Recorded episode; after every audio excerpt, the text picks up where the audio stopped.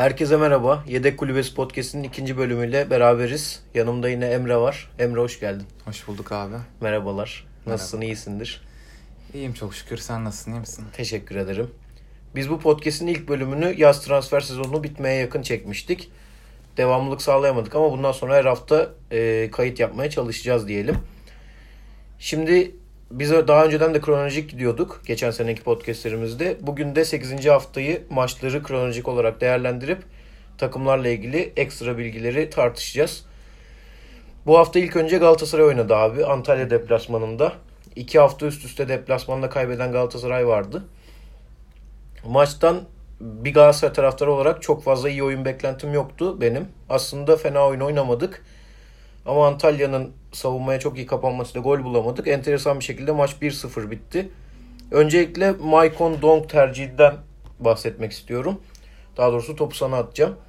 Son dakikalarda gelen o değişikliği nasıl değerlendiriyorsun? Fatih Terim etkisi mi yoksa herhangi bir hoca da yapar mıydı? Abi şöyle o değişikliğin aslında biz 2009-2010 sezonunda Ertuğrul Sağlam'dan görüyorduk sezon içinde. Hani oyun sıkışıyor. Yapılı forvette Turgay Bahadır var o zaman. Esas forvet Sercan Yıldırım ama Turgay oynuyor.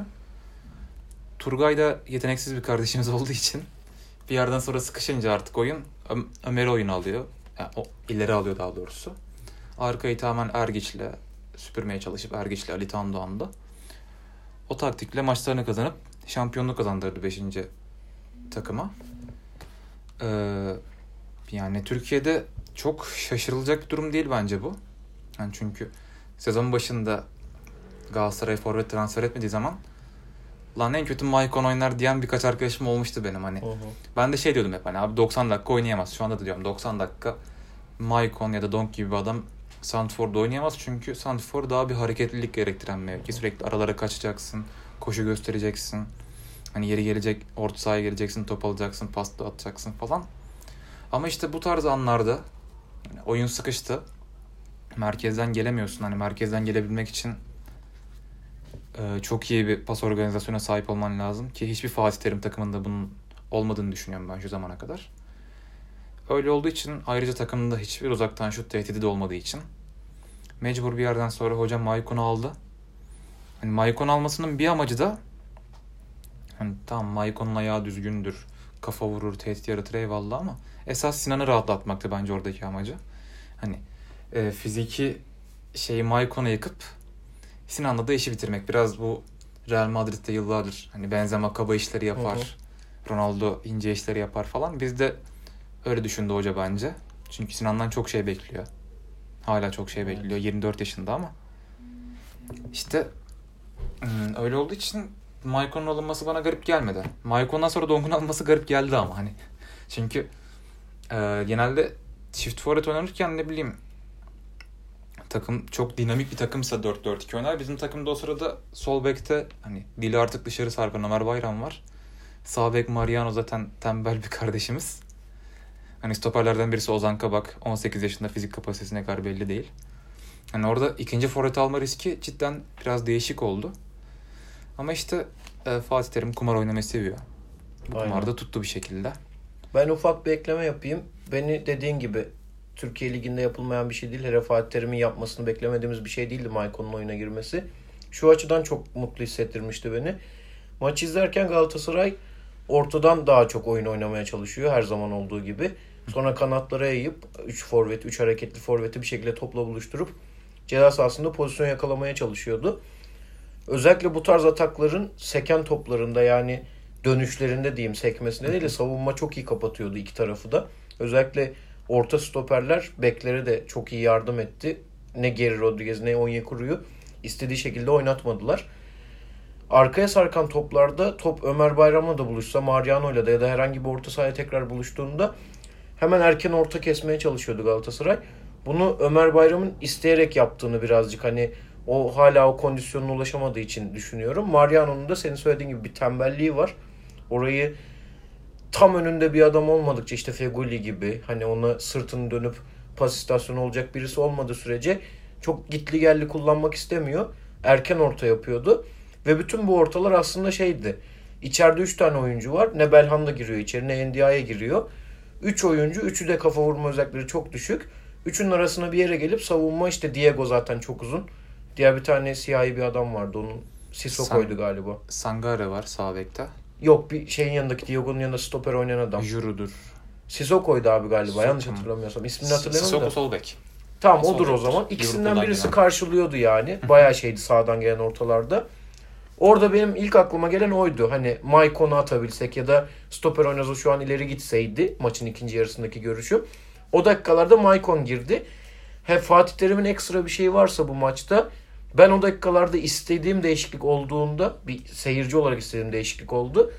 Şunu düşünmeye başladım. Maicon girdikten sonra da oraya yaşamadı Galatasaray. Dedim ki yine beraberlik yine puan kaybı deplasmanda. Ama Fatih Terim Donk'u da alarak aynı oyunda ısrarcı oldu. Ve ikisini birden forvet oynatması çok enteresandı. Sonunda Galatasaray güldü ama hani işin şans tarafı var. Oyunun getirdiği şeyi doğru okudu Fatih Terim. Doğru değişikliği yaptı ama e, tamamen de çok mükemmel bir hareket. İşte bütün galibiyet şeyin hocaya e, adamaya gerek yok bence. Biraz medya ayrılmış iki taraflı hani. Ya. Ben biraz daha ortasındayım olayın. Abi şöyle geçen sene Galatasaray'ın üst üste kaybettiği 3 deplasman maçı vardı hatırlıyor musun? Hı hı. Kasımpaşa, Sivas. Hepsinde Eren'le orayı şey yapmaya çalıştı hocam. Aynen. Biz hocayı niye eleştiriyorduk? İşte Beranda'yı çıkartıyor, Eren'i alıyor. Hı hı. Hoca forvet almak, uzun boylu birilerini almak her zaman gol getirmez falan diye hocaya yazmıştık. Hı hı. Hani hocaya kızıyorsak hocayı tebrik de etmemiz lazım. Ama bu işte her zaman kazançlı sonuç getirmiyor Galatasaray'a. Evet, Bunu da bilinmesi abi. lazım yani. Onun dışında maçtan sonra Galatasaray'ın eee FFP dosyasının yeniden incelenmesiyle ilgili bir olay vardı. Onunla ilgili açıklamalar yapıldı. Yine sanırım eskilerden bir farkı yok. Tekrar şikayetlerden dolayı bir inceleme gerektirmiş. E, Kulübün yaptığı açıklama Abdurrahim Albayrak'ın söyledikleri onu gösteriyor. Onun dışında benim dikkatimi çeken Fenerbahçeli taraftarlardan şikayet var tarzı bir şey söylendi yönetimden. Ben buna inanmıyorum. Genel olarak büyük kulüpler Türkiye'deki ezeli rakipler birbirine bunu yapıyor. 3 Temmuz sürecinde Fenerbahçe'de Galatasaray'a Beşiktaş'a bu şekilde yüklenmişlerdi. O zaman da kimsenin kimseyi şikayet ettiğini düşünmüyordum. Şu anda öyle bir şey olduğunu pek düşünmüyorum. Özellikle şampiyon gibi başladıktan sonra zaten gelen ya gelmelerini istediği diyelim rakip taraftarların ceza gelmemiş. Galatasaray Şampiyonlar Yani. Ligi'nde oynuyor. O açıdan bunu çok savuşturma gibi gördüm ama ben şunu eee, çok tam oturtamıyorum kafamda. Sene sonunda Galatasaray tekrar tam düzlüğe çıkabilecek mi? Ben hiç zannetmiyorum. Yine benzer bir cezayla ya transfer ya da işte aldığın işte attığın kadar al gibi bir cezayla devam edeceğini düşünüyorum. Abi zaten o 3 yıllık ya da 4 yıllık bir madde değil miydi bizim imzaladığımız? Öyleydi ama şeyi vardı işte sürekli denetim altında olacak. Hani belli şeyi aştığında cezayı kapatacak. Çünkü 3-4 yaz böyle giderse zaten Galatasaray'ın hali harap demektir. Yani. Bu sene bile doğru düzgün istediği kadroyu oluşturamadı takım. Ya zaten hoca onun önlemini almaya çalışıyor bir şekilde. Hani Ozan Kabağ'ın oynamasının benim gözümde tek açıklaması o. Hı hı, Hani Yunus'u kadroya almasının hı hı. ne bileyim. Olmadı ama biz geçen maç Ali Yavuz'un ilk 18'de olmasını bekliyorduk. Hani o 19 takımına çağrılmamış. Evet. Hani Santfor da yok hazır. Ali Yavuz'u çağırırlar falan gibisinden. Hani hoca önlemi o şekilde almaya çalışıyor şu anda finansal fair play konularını. Çünkü transfer yapamazsak yani futbolcu alamadığın sürece alttan çıkarman lazım. Başka çaresi kalmıyor takımın. Ve o yolda çok da kötü gitmiyor aslında. Hani hem Ozan Kabak Aynen. hem Yunus Akgün. Ve zaten ben finansal fair play maddelerine eşit uygulandığı sürece hiç karşı değilim. Hı Hani hı. Kesinlikle bence Ama- de müthiş faydalı bir tutup da bunu Galatasaray'a uygulayıp ne bileyim Fener'e Beşiktaş'a uygulayıp atıyorum Everton'a Everton'a uygulayıp daha sonra PSG'ye uygulamamaları. Yani be- bizim kızdığımız nokta tamamen bu yani şu anda. Evet. Buradan geçip çok ufak Porto maçına değinelim. Bir de oradan sana sormak istediğim bir şey var. Tamam. Porto maçında Galatasaray yine Antalya maçındaki gibi üçlü forvet hattıyla çıktı. Yani tam olarak 4-3-3 gibi oynadı.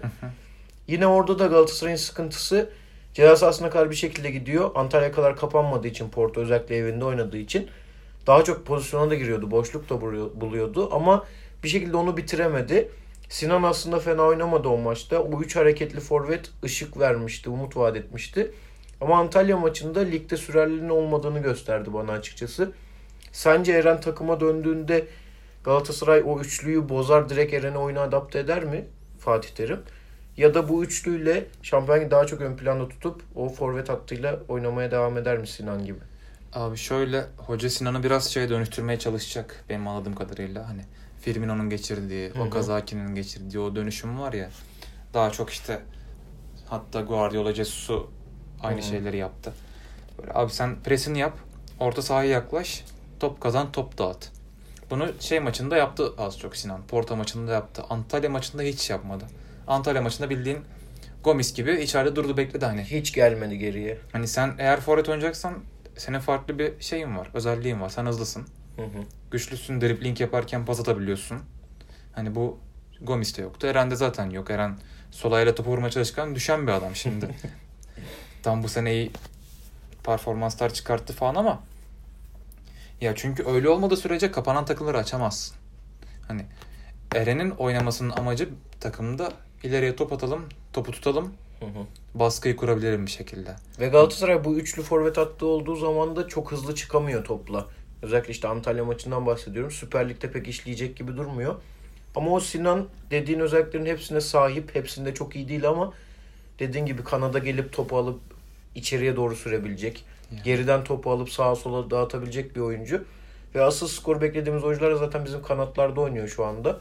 Orta sahadan ne uzaktan bir şut tehdidimiz var ne başka bir şey var. Sadece orta sahadan beklentimiz Belhanda ya da Ndiaye ceza sahasına girerse ya da Fernando köşe toplarında o zaman bir gol beklentimiz var.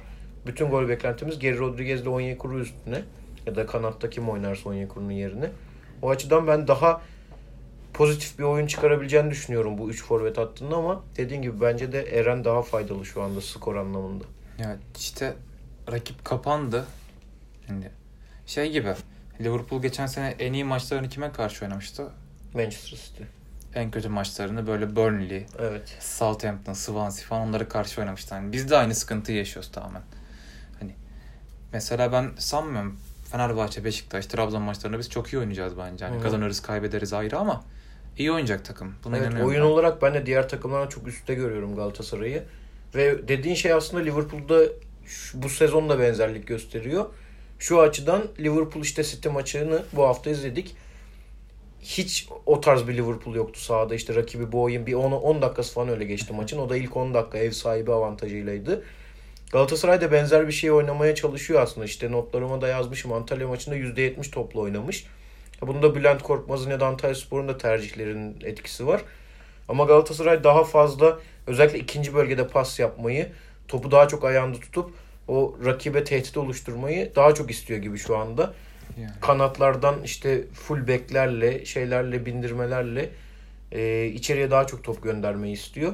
Ya bu bitiricilikle özellikle Eren'in dönmesi ya da devre arasına alınacak bir forvetle Galatasaray'ı daha iyi bir takım haline getirebilir.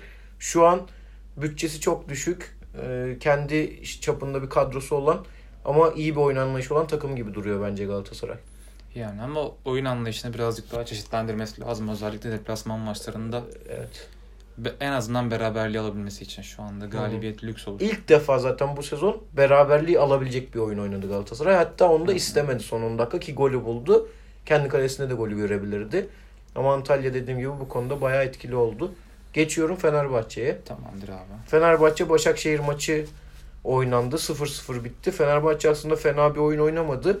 Beşiktaş maçıyla biraz benzerlikleri vardı. Bu sezon taraftarın görmek istediği Ali Koç başkan olduktan sonra beklentileri haline gelen iyi futbolun eee, zaman zaman esamelerini gösterdiler. Ama yine Fenerbahçe skor alamadı. Hatta VAR kararıyla iptal edilmeseydi, geri döndürülseydi Başakşehir'in 1-0 kazanması gibi bir durum vardı. Ben bu maç özelinden Fenerbahçe'ye genel bir parantez açıp sana soru yöneltmek istiyorum. Fenerbahçe'nin bu kadrosunun yapabileceği en üst şey Beşiktaş maçında da Başakşehir maçında da bu gibi duruyor. Yani maçı kazansa bile tek farklı kazanabilecek. O tehdidi oluştursa bile çok farkı açamayacak. Maçın 70. dakikasında 2-0 giremeyecek bir takım gibi duruyor. Ve diğer takımlara karşı da özellikle işte Türkiye'deki Anadolu takımları çok iyi önlem alıyor büyük takımlara. Onlara karşı da kontralardan ya da defanstan çıkarken yaptığı bir top kaybından çok rahat gol yiyebiliyor Fenerbahçe. Bunu ben kadroya bağlıyorum, kadro derinliğini. Ama sence Koku'nun mu ya da Komolli'nin mi kadronun hangisinin daha çok etkisi var bunda? Abi şöyle ben alttan başlayayım üste doğru çıkacağım. Hani kadro kadroya ben şöyle şey bulacağım, suç bulacağım biraz. Abi şimdi sağda top bir yerden bir yere nasıl gider? İki farklı şekilde değil mi? Ya biri birine pas atar ya da kendisi top sürer. Hı hı. Hızlı bir şekilde hani. O akışı hızlı sağlamak için Ya hızlı bir şekilde direkt pas yapabilen bir adam lazım. Bir ya da 2, 3, 4. Ya da hızlı bir şekilde top sürebilen adamlar lazım. Fener'de şu an ikisi de yok. Hı. Mesela Beşiktaş'ta Oğuzhan, Laiç, Tolgay, hatta Pepe bazen. Hı hı. Bu pas oyununu yapabiliyorlar değil mi bir şekilde? Galatasaray'da pas oyunu yapacak adam yok ama NDI topu aldı gider, Belanda gider, geri Evet. gider, Onyekuru gider. Fenerbahçe'de bunlar ikisi de yok. Hani Fenerbahçe'de top birinin ayağına geldiği zaman çırpınıyor hani. Ne yapması gerektiğini çözemiyor. Ya işte bu takım için yapılması gereken şey ya cidden kağıt üzerine mükemmel bir taktik çizeceksin. Hani sen şuraya, sen şuraya, sen şuraya en son işte birini boşa çıkartıp demarke pozisyonda golle buluşturacağız. Ya da hayvan gibi defans yapacağız. Gol yemeyeceğiz. Atarsak atarız bir tane. Atamazsak da sağlık olsun şeklinde oynayacaklar. Araya girip şunu söylemek istiyorum abi. Dediğin gibi diğer takımlarda var olan oyun kurma çeşitliliği Fenerbahçe'de yok. Galatasaray mesela beklerden çok iyi oyun kurabiliyor zaman zaman. Fenerbahçe oradan da destek alamıyor bir şekilde. Ama ben eksikliği şu daha doğrusu eksikliği kapatmak için şu çözüm yolunu hiç denemediklerini düşünüyorum. Mesela Başakşehir oynadıkları takımda olduğu için bu maçta da aynı şeyi denediler. Sürekli şu var Başakşehir'de. Pasla çıkalım. Hani yavaş çıkalım. Aslında hızlı çıksalar daha iyi oyuna dönecek gibi bence ama yavaş çıkmayı bence tercih ediyorlar. Sonrasında kan- topu oyunu bir kanada yıkalım. Diğer taraf boş kalsın. Birileri demarke halde ceza sahasında topla buluşsun ve golü bulalım anlayışıyla Başakşehir oynuyor. Bu şekilde mesela Başakşehir yanılmıyorsam 3 haftadır berabere kalıyor. 2 olabilir, 3 de olabilir. Her neyse ama bu şeyi özellikle bu sezon e, yakaladılar yani. Başakşehir maç kaybetmesi çok zor geliyor bana. Hani çok fazla tehdit oluşturacak bir takım olmadığı sürece karşısında. Fenerbahçe'de bu da yok. Çünkü az önce söylediğim işte 2-0 yakalayabilecek bir Fenerbahçe yok sahada kadro olarak. Yani. E bu varken e, Başakşehir tarzı bir oyuna yönelseler aslında en azından özellikle deplasmanlarda bir puanı garantileyip Silimani gibi forvetleri var. Şikirtel gibi korner tehdit oluşturacak adamları var. Bir şekilde oradan bir farklı galibiyet de yakalayabilirler ama bunu hiç denemiyorlar. Neden olduğunu da bilmiyorum. Kokuya sormak lazım açıkçası. Yani aslında kadro içinden çözüm de yaratılabilir ama işte ne diyoruz mesela Fenerbahçe ilk çift forvet oynayacaksa 3-4-1-2 oynayabilir, 3-5-2 oynayabilir. Hı hı. Hani daha çok 3 defanslı. Hani kanatta hani Ayev bir sağ açık gibi duruyor şu an mesela ama hani daha çok ikinci forvet gibi oynuyor bu adam. Ayav aslında sağ forvet yani Ya. sağ açık o- oynamadı bile yıllardır. Ya ben 2012'de Galatasaray'ın şampiyonluğunda Necati Ateş'in rolü vardı ya. Hı hı. Ben o canlanıyor Ayev'i görünce. Tabii çok daha iyisi ama Hı hı. hani direkt o rolde hem oyun kuracak hem şey Mustafa Denizli'nin dediği 9.5 numara. Hı hı. Tam benim gözümde Ayev. Hani o kadroyu kuracaksan mesela abi biz geçen sene 4-4-2'nin kenarlarında kim var? Dirar'la Atıf. Hı hı. Hani 4-4-2'de basat olan bu adamlar bence 3-5-2'nin kenarlarında gayet iş yapabilecek adamlar. Evet kesinlikle. Hani altı Özellikle fıs- Dirar. Aynen. Atıf'ı sola atarsın. Hasan Ali'den iyi oynar. Defansif katkısı zaten var bu Hı hı. adamın. Bir de hani hızı gücü var adamın. Beyinde normal ama yine Hasan Ali'den falan çok daha iyi iş yapabileceğini düşünüyorum ben. Çünkü Hasan Ali daha çok stopere kayan özelliklere sahip futbolcu. Aynı şekilde Isla. Hani Isla'yı millet beğeniyor abi Şirili şöyle teknik böyle teknik falan filan ama yani ben çok beğenemiyorum Isla'yı Ve şu ikisi anda. de abi İsla ve Hasan Ali stopere kazan e, kayan özellikleri daha fazla olmasına rağmen ileriye çok çıkmaya çalışıyorlar. Bunda büyük takımla oynamalarının etkisi de var ama yarınlar yokmuş gibi çıktıkları için karşı takım çok rahat kontratağa çıkıyor. Ya bunu da Fenerbahçe'nin işte o orta ikilisi Şikirtel'le Neustadt'lar ya da kim oynarsa Reyes çok iyi kapatamıyorlar ağır stoperler. O da büyük sıkıntı. Hem hani e, top rakipteyken ayrı sıkıntı. Çünkü hani 3 tane ağır adam dediğin gibi hani ikisinin arasından çok rahat adam kaçırırsın hani. Sen pas atsan ben koşsam beni yakalayamazlar şu Hı hı. anda. Kesinlikle. Ama hani düşün mesela sol stoper Hasan Ali, sağ stoper Isla, ortada Şikartel. Hani bu adamlar arkaya biri sarktığı zaman Hasan Ali yavaş bir adam değil. Hı hı. Bir stoper içinde hızlı bir adam. Ve önlerinde Mehmet Topal ya da Jailson ya da hatta birlikte oynayacaklar yani. Aynen. Orayı kapatmaları çok Ve- daha kolay. Defansta yani top rakipteyken avantajları hız, Hı hı.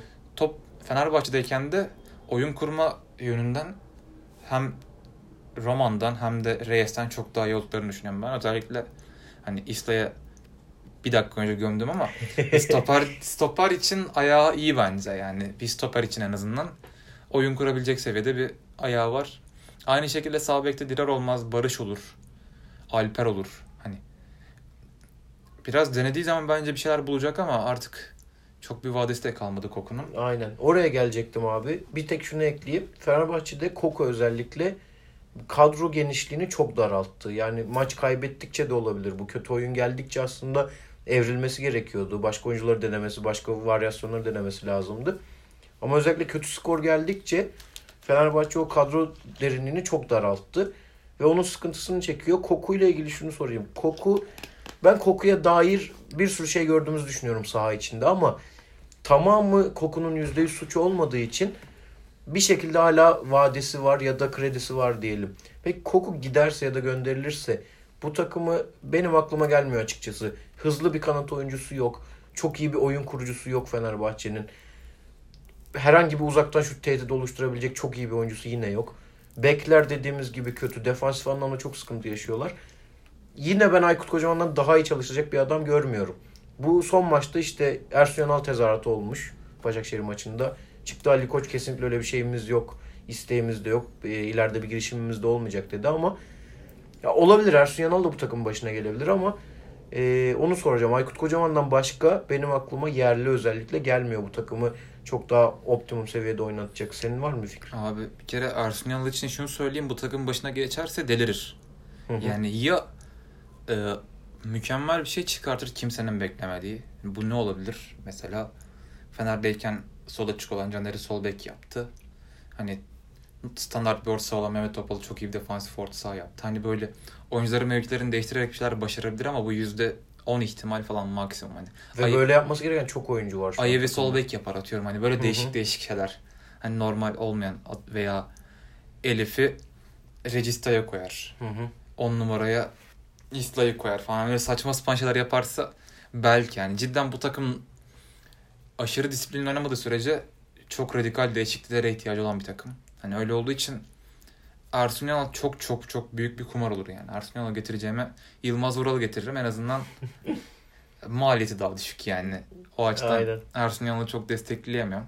Yani Ersun Yanal mesela şu anki Galatasaray'ın başına çok oturabilir. Evet kesinlikle. Hatta Fatih'den daha da iyi skorlar alabilir yani genel olarak. Sağlam bekler, dinamik orta sahalar falan ama abi Aykut Kocaman da bu kadroyu başarılı yapabilirim. Ben ondan da çok emin değilim ya. Hani şöyle e, cidden disiplinli takımlar yaratıyor.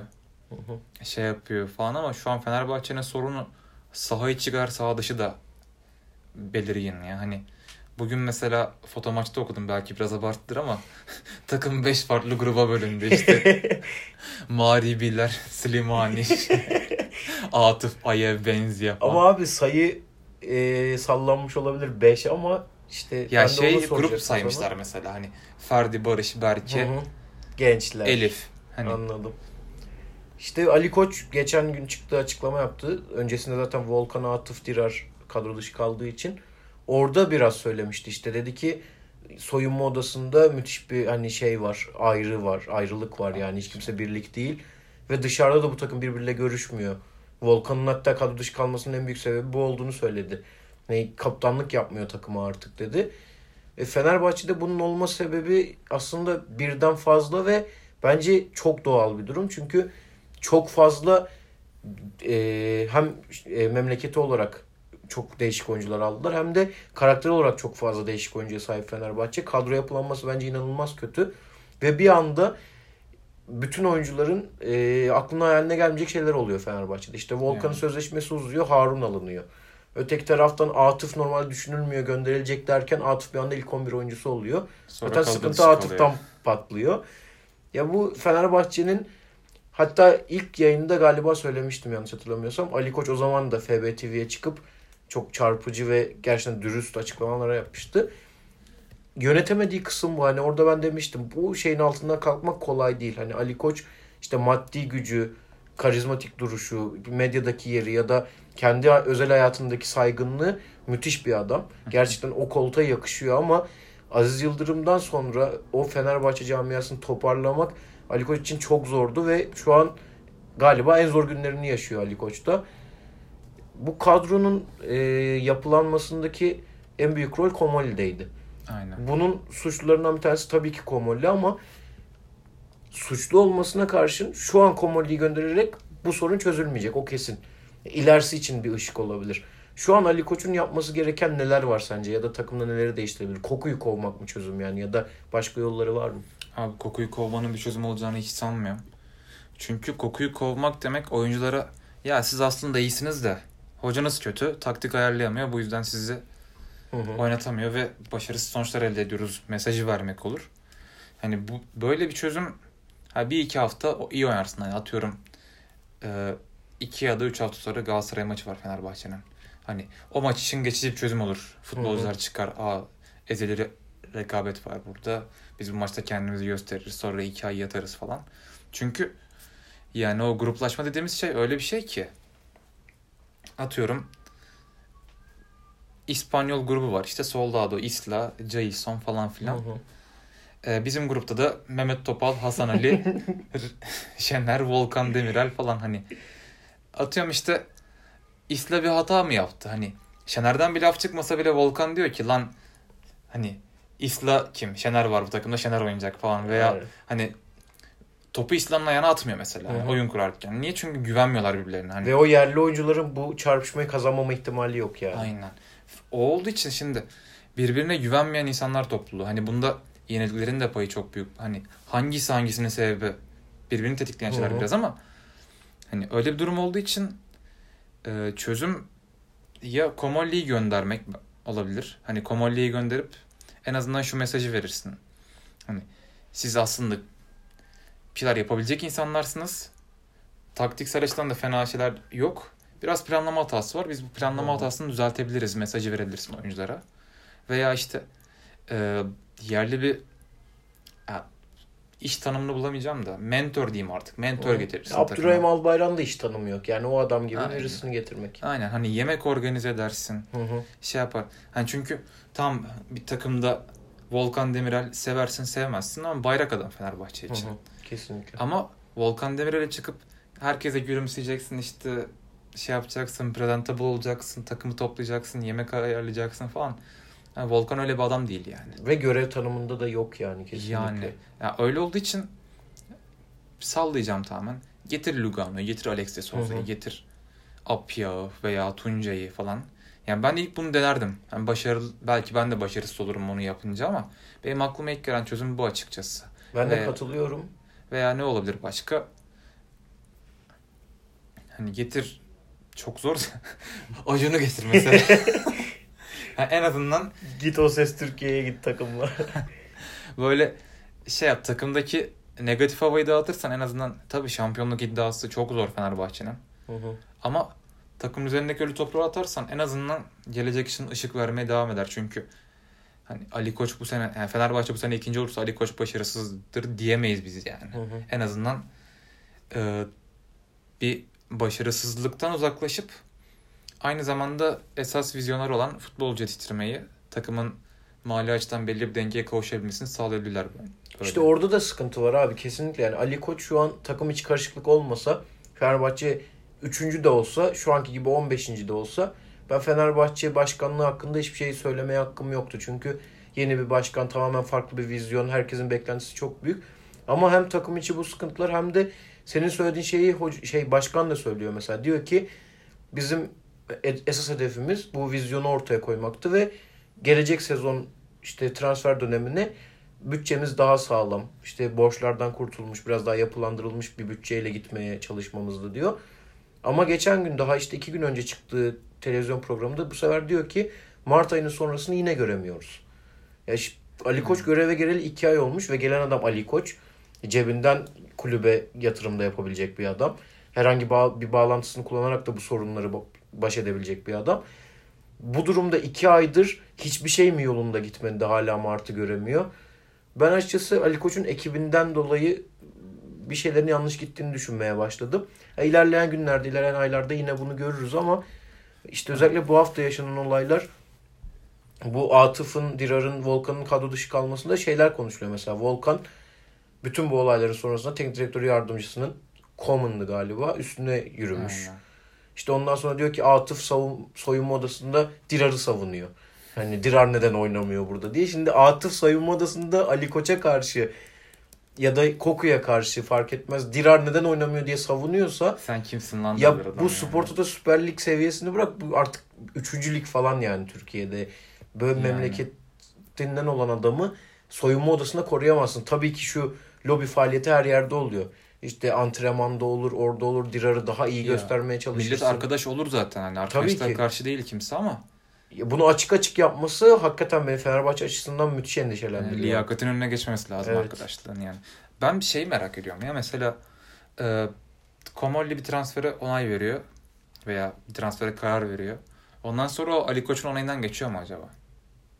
Abi bundan önceki işte ilk yaptığı programda onu şöyle anlatmıştı.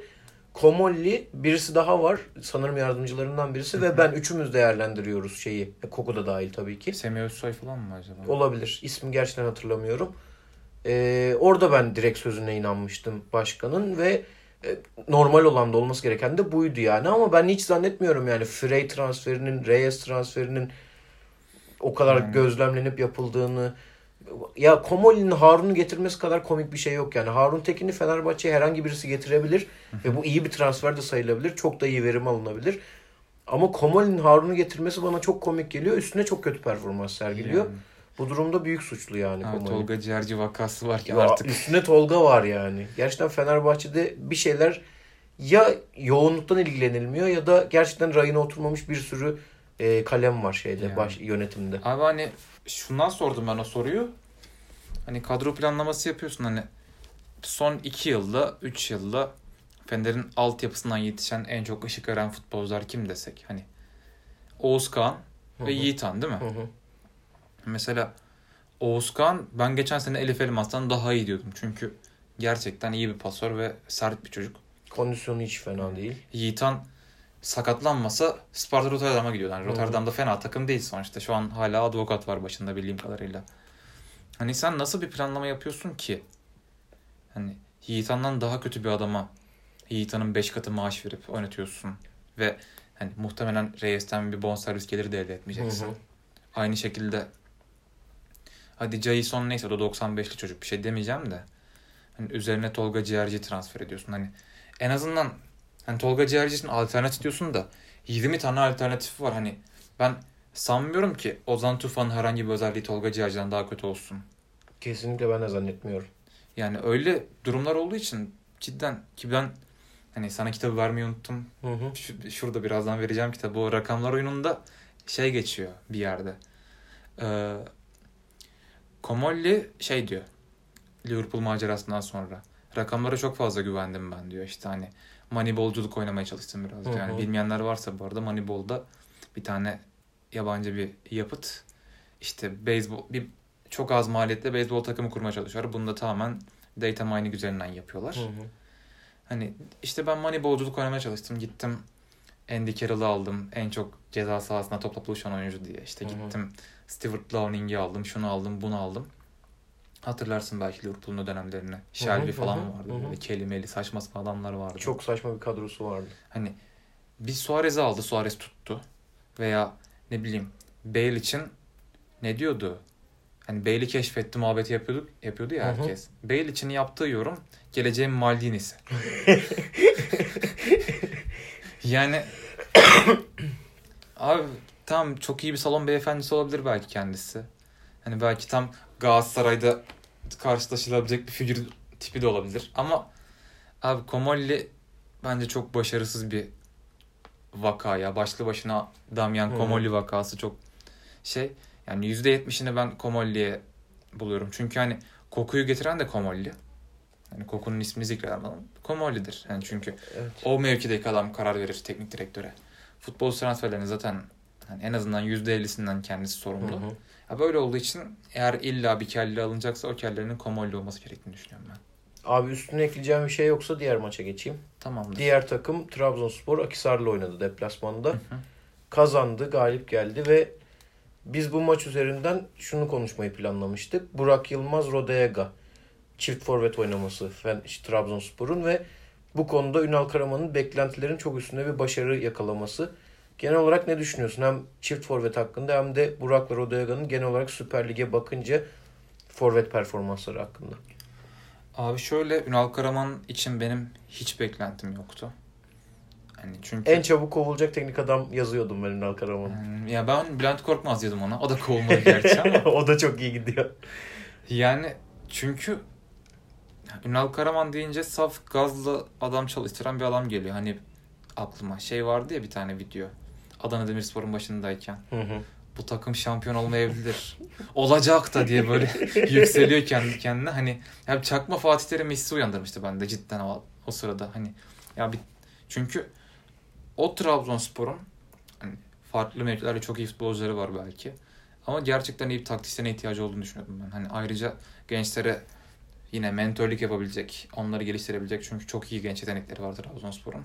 Öyle bir hocaya ihtiyacı olduğunu düşünüyordum ki benim aklımdaki ilk adam Kemal Özdeş'ti mesela Trabzonspor için ya da Samet Aybaba. Hatta geçen sene Burak en çok hani Samet Aybaba gelirse ben giderim falan diye kriz çıkartmıştı sene sonuna doğru. Hani onların üzerine Ünal Karaman gelince ben yok abi ya hani yine 19. hafta Halil Ozic gelir. Sezonu da şotayla bitirirler falan diyordum. Ama gerçekten haklarını teslim edeyim iyi başladılar. Stoper ikilileri hakkında fikrim yoktu. Onlar birbirlerini tamamlıyorlar şu anda gayet iyiler. Geçen sene sadece sertliğiyle gündeme gelen Pereira bu sene 4 asist yaptı şu ilk Hı hı. 8 haftada. Sosa'yı Milan'daki mevkisine çekti tekrar. Sosa'yı müthiş değiştirdi ya. Gerçekten en büyük alkışı orada hak, hak ediyor bence hoca. Yani, yani Süper Lig'in en iyi pasör orta sahası bence şu Hı hı. anda. Ya Yani- kalite olarak da öyleydi zaten kumaş Ha, olarak. Şu an gerçekten canım. onu yansıtıyor sahaya. Tabii canım. Hani onun dışında geçen sene mesela Okay Kuçka ikilisi iyi falan diyordu bazı kesimler ama çok ağırlar abi. Hani Hı hı. e, bir Trabzonspor kadar büyük bir takım için gerçekten hani biz Joseph Topal'ı nasıl eleştiriyorsak veya milli takımda Topal Okay'ı nasıl eleştiriyorsak Okay Kuçka da gayet o derecede ağır top yapmayı bilmeyen oyuncular. Hani Okay'dan da iyi para kazanmışken hazır. Kadroda biraz revizyona gitmek mantıklı oldu Trabzonspor için. Hani 4-4-2'ye gelince de şimdi düşünüyorsun ki Yusuf oynamayı ben Yusuf'u çok beğeniyorum. Hı hı. Yusuf'un oynamamasına rağmen 4-4-2'den memnunum. Ee, şimdi Süper Lig'in en iyi 5 forvetinden ikisi diyebilir miyiz? Rodayega Burak için. Kesinlikle. Bence en iyi ikisi zaten. Yani ben Slimani falan yazarım belki üzerine. Slimani Dupar performans falan. olarak. Ya, bence en iyi performans olarak aynı. Ya şimdi ve bu adamlar şey gibi ikili değil hani böyle kim örnek vereyim mesela? Ha, Drogba Elmander mesela ikisi de ağır. Hı hı. Veya iki bir ara Eren Derdiok Dorsan ikilisiyle oynarız falan diyorduk ya. Evet evet. Hani onun ya da gibi... şu an Slimani Frey oynuyor. Aynen, Onlar gibi değil. Onlar gibi değil. Hani biri Burak hala sprinter özellikleri var. Hı hı. Çok fazla top tutmayı bilmiyor. Ama mükemmel koşular atıyor. Ee, çok kafa vuruşu falan yok ama hani Burak hepimiz tanıyoruz zaten az çok. Hani nerede olması gerektiğini biliyor falan. Rodaiga tam tersi. Hani sağdan soldan açılan ortalarda çok iyi pozisyon alıyor. Çok geçen hafta attığı gol zaten Hı hı. o rövaşata yani muhtemelen sezonun golü seçilir. Onun dışında paslaşması daha iyi, temposu daha iyi ve e, fiziğini kullanarak gelen topu tutuyor, etrafına dağıtabiliyor. Böyle bir adam olduğu için hani bu ikisinin birbirini tamamlaması en çok Trabzonspor'a katkı sağlıyor şu anda. Hani o birbirini tamamlama olayı şu zamana kadar tek forvetli sistemde birbiriyle rekabete dönmüştü. O rekabetin o rekabetten böyle bir fayda çıkarmak da cidden çok büyük bir teknik direktör başarısı. O açıdan tebrik etmek lazım. Ayrıca 4-2-3-1'den Türk taraftarı tamamen sıkılmıştı. Evet Bunu ya almıştık gerçekten. 4-2-3-1'den. O açıdan ayrı bir soluk getirmesi de iyi oldu yani. Ünal Hoca'yı tebrik ediyorum ben. Ben özellikle iç saha maçlarında da Trabzon'un belli bir seviyeyi yakaladığını düşünüyorum. Çok fazla maçını izlemedim ama toplam 4 maçını falan izlemişimdir. Doğru düzgün. Galatasaray maçında özellikle mesela Galatasaray'ı müthiş analiz edip hem oyuncu tercihleri hem sonun oyuna soktuğu isimlerle darmadağın ettiler içeride. Üstüne işte aldıkları toplam puan ve deplasmanda işte Akisar gibi ne kadar şu an kötü bir puan durumunda olsalar da Akisar deplasmanı işte Galatasaray'a 3 atıyorlar yani. Çok zordu ama onu da başarıyla geçiyorlar. Trabzonspor belki şunu yapamayacak. O seriyi, galibiyet serisini çok fazla uzatamayacak hiçbir zaman bu sezon belki ama ilk dördü her zaman zorlayacaklarını düşünüyorum ben kesinlikle. Katılıyorum. Ünal Karaman'ın da müthiş etkisi var bunda. Özellikle Sosa ve dediğin gibi işte çift forvet Burak Rodega'yı beraber bu kadar verimli oynatabilmesi. Beklerinden de skor katkısı alıyor. Biri 4 asist yaptı Pereira. Novak da bir gol bir asist olması lazım yanlış hatırlamıyorsam. Novak zaten gole yakın bir oyuncu Pardon, olması lazım. Novak- fizik itibariyle. Novak iki gol atmış bu sene. Yani onu zaten geçen sezon çok kötü oynatıyorlardı ikinci yarıda. Yani. Geçelim abi üstüne söyleyecek bir şeyin yoksa. Yani yok. Tek şey işte yine şampiyonluk beklemeden Aynen. taraftarlarının Ya o beklenti artık silmesi lazım. hani keyfini çıkarsınlar abi. Diyeceklerim bu kadar Trabzon'da. Umut vaat ediyor diyelim en azından. Aynen. Konya Beşiktaş maçına geçiyoruz. Konya iyi başladı maça. Abi Vida kırmızı yedi. İlk yarı izlemiş miydin? Konya Beşiktaş'ın mı? Hayır. ikinci yarıyı izledim. Hatta çok sonlarını izledim. O telaşlı bölüme denk geldim yani maçtaki. İşte özet falan izledim. Yazı okudum, video izledim. Benim anladığım Konya fena başlamamış. Ama Beşiktaş'ın da çok istemediği gibi bir oyun yok sahada. Ona rağmen Vida'nın kırmızısı, üstüne kaçan penaltı Konya Spor'un. İkinci yarıya iki takıma da farklı şekillerde lans olmuş. Yani skor 1-0 tabelada ama iki tarafta farklı gitmiş içeriye. Skorun vaat ettiği bir şekilde gitmemişler. Dönüşte Beşiktaş'ın tam beklediği şey olmuyor. Çok geç geliyor goller ve 2-1 öne geçiyor bir anda Beşiktaş. İkisi de hemen hemen bireysel beceriye bağlı diyebiliriz tamamı. Bu Beşiktaş için kötü bir şey. Ama arkasından yeniden gol yine Beşiktaş'ı darma duman ediyor. 2-2 bitiyor maç. İki taraf da mutlu değil. Benim genel olarak bu maç hakkında söylemek istediğim şey şu. Gene bu sezon söylediğimiz Şenol Güneş formsuzluğu devam ediyor. Kimse buna çok kişi inanmıyor. Hani özellikle Galatasaraylı olduğumuz için işte Fatih Terim geldiği için böyle düşünüyorsunuz vesaire ya da geçen sezonlarda takım çok daha iyiydi gibi düşünüyorsunuz diyorlar. Ama bence Beşiktaş'ın geçen sezonlara göre kötü bir kadrosu, elverişsiz bir kadrosu olmasına rağmen Süper Lig içerisinde en derin, en kullanışlı kadrolardan bir tanesine sahip olduğunu düşünüyorum. Yetenek açısından da oyuncuları üst seviyede. Ve Şenol Güneş bunu bir şekilde kullanamıyor. O istediği işte hücuma yönelik tam forveti bulamıyor. O hücuma yönelik oyunu tam olarak oynatamadığı için maçlarda yaptıkları tercihler bazen Beşiktaş'ın aleyhine olabiliyor. Benim genel olarak sebebim Şenol Güneş oluyor bu durumda. Ama tabii ki Beşiktaş'ın bir işte kanat organizasyonları Quaresma ile bambaşka oluyor. Lens girdiğinde onun farklı defoları var.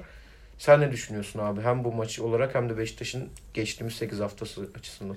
Abi bu maçla ilgili zaten ben de hani penaltı pozisyonuna kadar izleyememiştim. O ara ya başka bir işim vardı ya da bir Avrupa maçı vardı tam hatırlamıyorum. Hani açtığımda tam zaten penaltı pozisyonunu gösteriyorlardı. Hani kırmızı kart falan filan.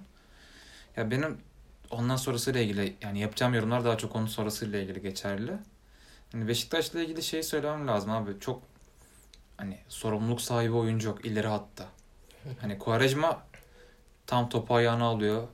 Sorumluluk sahibi gibi gözüküyor ama hani şaklaban diyor ya sevmeyenler. Hani cidden şaklabanlığı çok fazla. Hani böyle şey sorumluluk yok böyle. Hani Gattuso sorumluluğu veya hani illa asabi olmasına gerek yok. Hani Alex sorumluluğu yok hiçbirinde şu anda.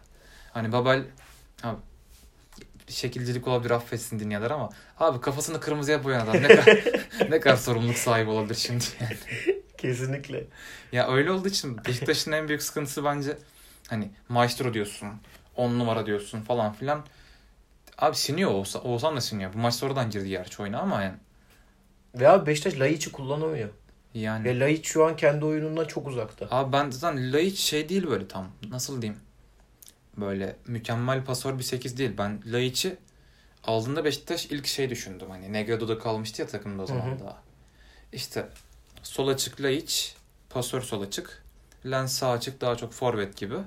İleride Babel Negredo ikilisi. 4-4-2 düşünmüştüm ben mesela. Hani çünkü Laiç yani şöyle diyeyim Selçuk İnan'ın pas yeteneği daha fazla Laiç'ten. Ben bunu biliyorum yani. Evet.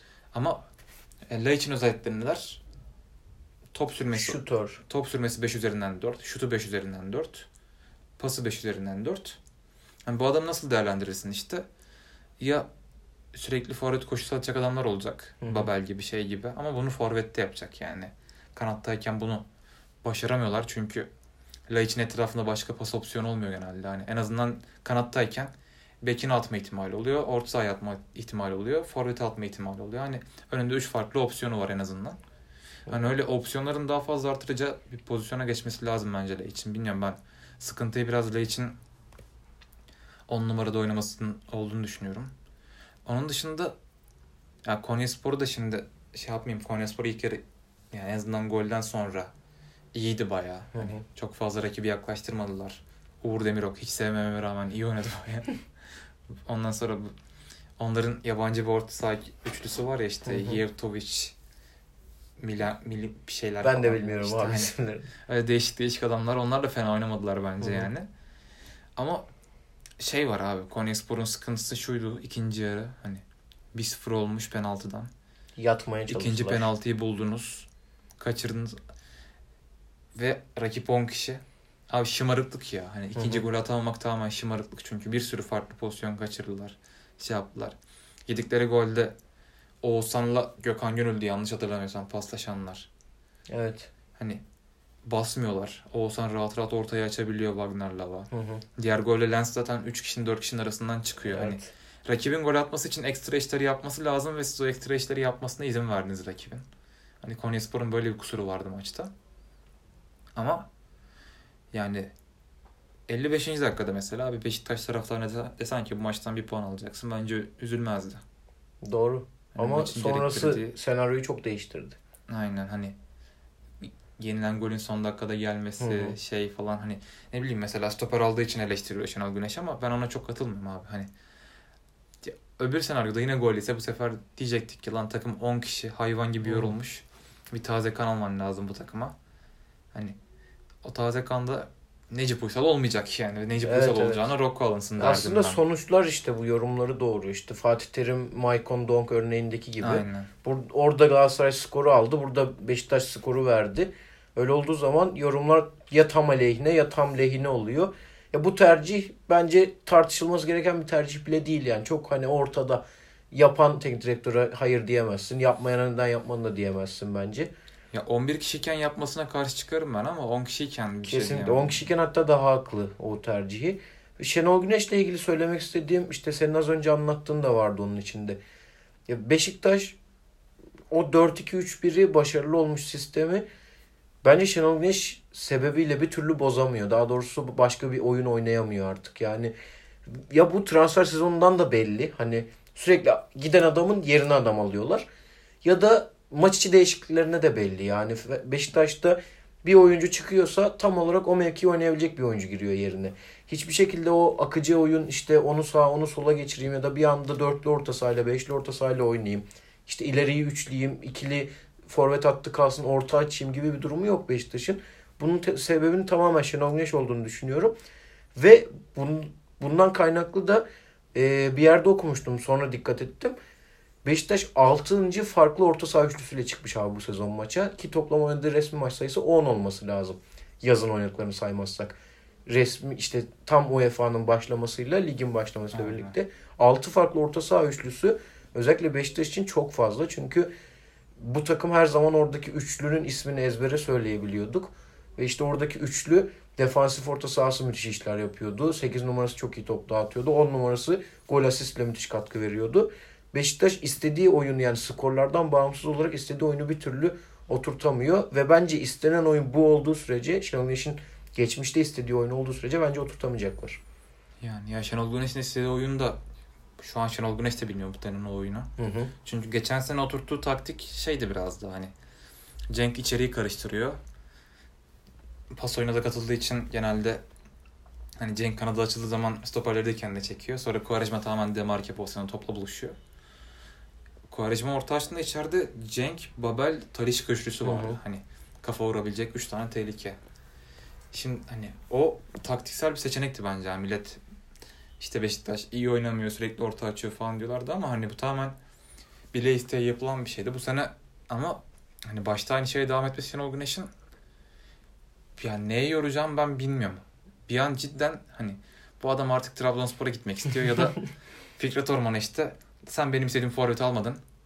İstediğim de- diğer futbolcuları almadın. Ozan Tufan'ı almadın, şunu almadın, bunu almadın. Ben de işte böyle oynayacağım bundan sonra. Kafama göre oynayacağım falan diye mesaj verdiğine yoruyordum. Kayıtta bir sıkıntı oldu. Beşiktaş'tan devam ediyoruz Emre. Abi şöyle sonuca bağlayacaktım o en son kapandığı yerde. Hı hı. Hani e, istendiği, istediği şeyler yapılmadığı için ve bir yandan da artık vizyonun tamamladığını düşündüğü için hem gruptan çıkma olsun hem iki şampiyonluk olsun Şenol Güneş biraz bitirmek istiyor. Bundan sonra ya bir milli takım kariyeri ya da Trabzon'da kendi evinde bir maceraya atılmak isteyebilir en fazla. Hani öyle olduğu için yani Beşiktaş kendisine çok bağlı bir teknik direktörü sahip olmadığı için bu sene başarılı olmalarını zor görüyorum ben. Geçtik abi. Fikret Orman'ın açıklamaları vardı yine Beşiktaş'tan devam edelim. Direkt okuyayım üstüne yorum yapalım. VAR'ın Türkiye'de uygulanmadığı tek kulüp Beşiktaş demiş. Bir de üstünde her kulübün hakemi var. Galatasaray'a, Fener'e, Beşiktaş'a ayrı ayrı hakemler veriliyor. Her hakem her maçı yönetmeli bence demiş. İkincisine katılıyorum. İlki dünya saçması bence. Ya bir sürü kulüp vardan şikayetçi. Ben VAR'ın genel olarak olması gerektiğini düşünmüyorum ama VAR bence şu ana kadar Türkiye'de fena uygulanmıyor. Çünkü zaten o oluşması, oturması, hazırlanması zor bir sistem. Ufak tefek hatalar her zaman çıkıyor, çıkacaktır. Benim genel olarak görüşüm böyle. Abi hatalar daha çok protokollerden kaynaklanıyor. Ben bunu fark ettim. Geçen bir yerde duymuştum mesela. Ee, VAR hakemleri ekrana bakarken şeyden karar veremiyor. Hani bir normal VAR kamerası var odalarında, konteynerda. Bir de yukarıda Bein Sports'un kameraları var. Hani Bein Sports kamerasından mesela Elian'ın offside'da olmadığını görüyor veya. Vişcan'ın. Ama VAR kamerası bozuk olduğu için karar değiştirtemiyor. Hı, anladım. Hani sıkıntı var sisteminin kendisi gayet bence olabilecek güzel bir sistem. Hızlandığı zaman özellikle. Oyunun akışında çok bozduğunu düşünmüyorum Hı hı. ben. Hatta heyecan da getiriyor değişik bir heyecan da getiriyor. Hani sıkıntı vardan çok kurallar ve insanlar bence. Şeyin sebebi de o galiba değil mi? Mete Kalkavan sevinmiş gibi şey sinirlenmiş gibi duruyor. Donuyor orada. Orada Yayın ekran donuyor. olmuş. Yani Fikret Orman dediği şeyler deli saçması ya bilmiyorum ben. Ya biraz taraftarın Evet. gazını almak için milli arada çıkmış gibi duruyor Bir yani. Güç zehirlenmesi var Fikret Orman'da artık o yüzden bir şey diyemeyeceğim ben. Abi Beşiktaş'ta bitirdik. Genel Süper Lig notları var birkaç tane. Onlardan konuşalım. Kasımpaşa Kemal Özdeş'le yolları ayırıp Mustafa Denizli'yi getirdi. Kemal Özdeş'i çok sevmeme rağmen bence Kasımpaşa için pek bir şey değişmiş gibi gözükmüyor. Denizli de istediği oyunu oynatıyor bence. Göztepe'ye karşı da kazandılar. Sen ne diyorsun? Abi sezonluk bazda Denizli her zaman Kemal Özdeş'in üstünde olabilecek bir hoca. Ama genel olarak planlama açısından ne bileyim şu an orada hala görev yapıyor mu bilmiyorum da Şahin Ahmiyaz diye bir yabancı bir kardeşimiz var. Scout şefiydi orada. Hani zamanında 2013'te galiba ya da 2014'te N'Golo Kante'yi Kasımpaşa'ya öneren adam. Oo. Hani böyle bir scout şey var adamın ki Cagney'i buluyor, Trezeguet'i buluyor falan şu anda Hı hı. veya Bernard Mensah'ı buluyor geçen sene. Hani öyle bir yapılanma halinde Kemal Özdeş uzun vadede daha iyi bir seçimdi Kasımpaşa için ama hani ne oldu? Başarıyı paylaşamadılar. Hani Ciner diyor başarı benim, Kemal Özdeş diyor başarı benim, Trezeguet diyor başarı benim. hani böyle hem o durum var hem ayrıca zaten Kasımpaşa'nın siyasi açıdan hangi tarafa yakın olduğunu da biliyoruz. Evet. Kemal Özdeş'in görüşlerini bilmesek bile hani Ersun Yanal'la muhabbetlerinden az çok hani ne tarafa daha yakın olduğunu tahmin Hı hı. edebiliyoruz ki daha önce bu adam yine kovulmaktan beter edildi. Mustafa Denizli'yi de az çok biliyoruz ki arasının iyi olduğu insanları. belli. Hani öyle olduğu için hani değişik bunun ya bu şeyin teknik direktör değişikliğinin teknik teknik bir tarafı ya da teknik yorumlanacak bir yan olduğunu düşünmüyorum. Ama şey açısından hani Mustafa Denizli hedefimiz şampiyonluk dediğinde ben ciddiye alınması gerektiğini düşünüyorum şu anda bilmiyorum. Kesinlikle abi. Yani normal yani bu sezonu demesi. Çünkü herkesin bir sürü eksiği var. Yani. Kasımpaşa da hiç fena bir takım değil. Ve böyle baskıdan çok itici güç var arkalarında. Hani Hı taraftar destek oluyor. Köstek olmuyor Fenerbahçe'deki gibi. Evet. Ben de uzun vadeli Mustafa Denizli daha sıkıntılı Kemal Özdeş'e göre ama bu sezon bir sürpriz yapabilirler diyeyim. Sonra benim şaşırdığım bir şey daha oldu. Bugün zarar açıkladı kulüpler. En az zarar Galatasaray'da Haziran 2018'e göre. En çok Fenerbahçe bu bildiğimiz bir şeydi ama Galatasaray zarar olarak Beşiktaş'ın arkasına düşmüş durumda. Galiba bir 20-30 milyonluk fark vardı aralarında. Şampiyonlar Ligi işte. Şampiyon Ligi geliri var. Üstüne çok mükemmel diyemeyiz ama yönetimin de aslında başarısız olmadığını gösteriyor yeni gelen yönetimin. Son konumuz abi Arda Turan ve müthiş olayı Berkay'la yaşadığı. Ya neresinden tutsak benim aklıma küfürden başka bir şey gelmiyor. Sanırım çok da başı ağrıyacak Arda'nın bu konuyla ilgili. Sen ne diyorsun? Abi Arda'nın artık başı ağrımaz bu ülkede ya. Hani Bilal Meşe'yi dövdükten sonra ya şöyle bir adam Fatih Terim'e kafa tutabiliyorsa o adam yani arkasında çok çok büyük bir destek vardır hani ve hani o şey sürecini, milli takım sürecini hatırlarsak Arda milli takımdan gönderiliyor Fatih Terim tarafından. Sonra Cumhurbaşkanı sempozyumda bu gerginlik bitmeli diyor. Sonra Arda milli takıma çağrılıyor. Sonra Fatih Terim hani ben affetmedim ama gönlüm kırık bir şekilde çağırdım diyor falan filan. Sonra referandumda Fatih Terim video çekmediği için bir yanda milli takımdan kovuluyor falan. Bunların hepsinin merkezinde Arda ile yukarıdakilerin arasının iyi olduğunu düşündüğüm için hani çok fazla bir şey diyemiyorum hani tam Arda'yı biz şımarttık biraz belki falan filan ama hani bu artık şey aşamasında geçti hani biz futbolcu şımarttık da yok 21 yaşındayken 10 numarayı kaptanlığı verdikten çok daha fa- farklı bir boyuta geldi artık ben sanmıyorum biz Cengiz'e ön, Cengiz'e secde etsek bile Cengiz'in bu kadar şımaracağını düşünmüyorum mesela Hı hı. şu aşamada. Hani Abi futbolculuğundan çok karakter olarak çok bu kadar tanınmış bir insana göre bambaşka yerlere gitti Arda. Bu olayın özelinde de işin içinde ya bir sürü falso var yani ikisi de hem Berkay hem Arda evliler ya da ikisinde çiftler diyeyim o mekanda. Biri bir tanesinin yok Arda'nın karısı yok. ya Orada. orada yok mu pardon. O genel olarak il- ilişkileri var diyeyim. Yani. Biri diğerinin kadınıyla konuşuyor, muhabbete giriyor. Bambaşka şeyler konuşuyor. Sonra hastaneye taşınıyorlar. Orada silah mevzuları falan var. Yok bana vur bilmem ne, özür dilerimler bilmem neler. Ya özrü bile yani kabahatinden büyük. Çok Yani. saçma bir karaktere dönüştü Arda. Ya, Ben artık herhangi bir magazin olayında gördüğümde şaşırmıyorum. Görmek de duymak da istemiyorum ya açıkçası. ben Arda'ya şu açıdan teşekkür edeceğim ileride muhtemelen. Hani e, genç futbolcular neyin yanlış olduğunu görüyor Arda sayesinde şu Aynen. anda. Neyi yapmasının kitabını yazıyor yani her olayıyla. Aynen. O zaman bitiriyorum abi bütün konuları tamamladığımıza göre. Tamamdır abi bayağı keyifli oldu ya güzel oldu. Kesinlikle. Ben de çok keyif aldım. Herkese dinlediği için teşekkür ederiz. Hoşçakalın. Hoşçakalın.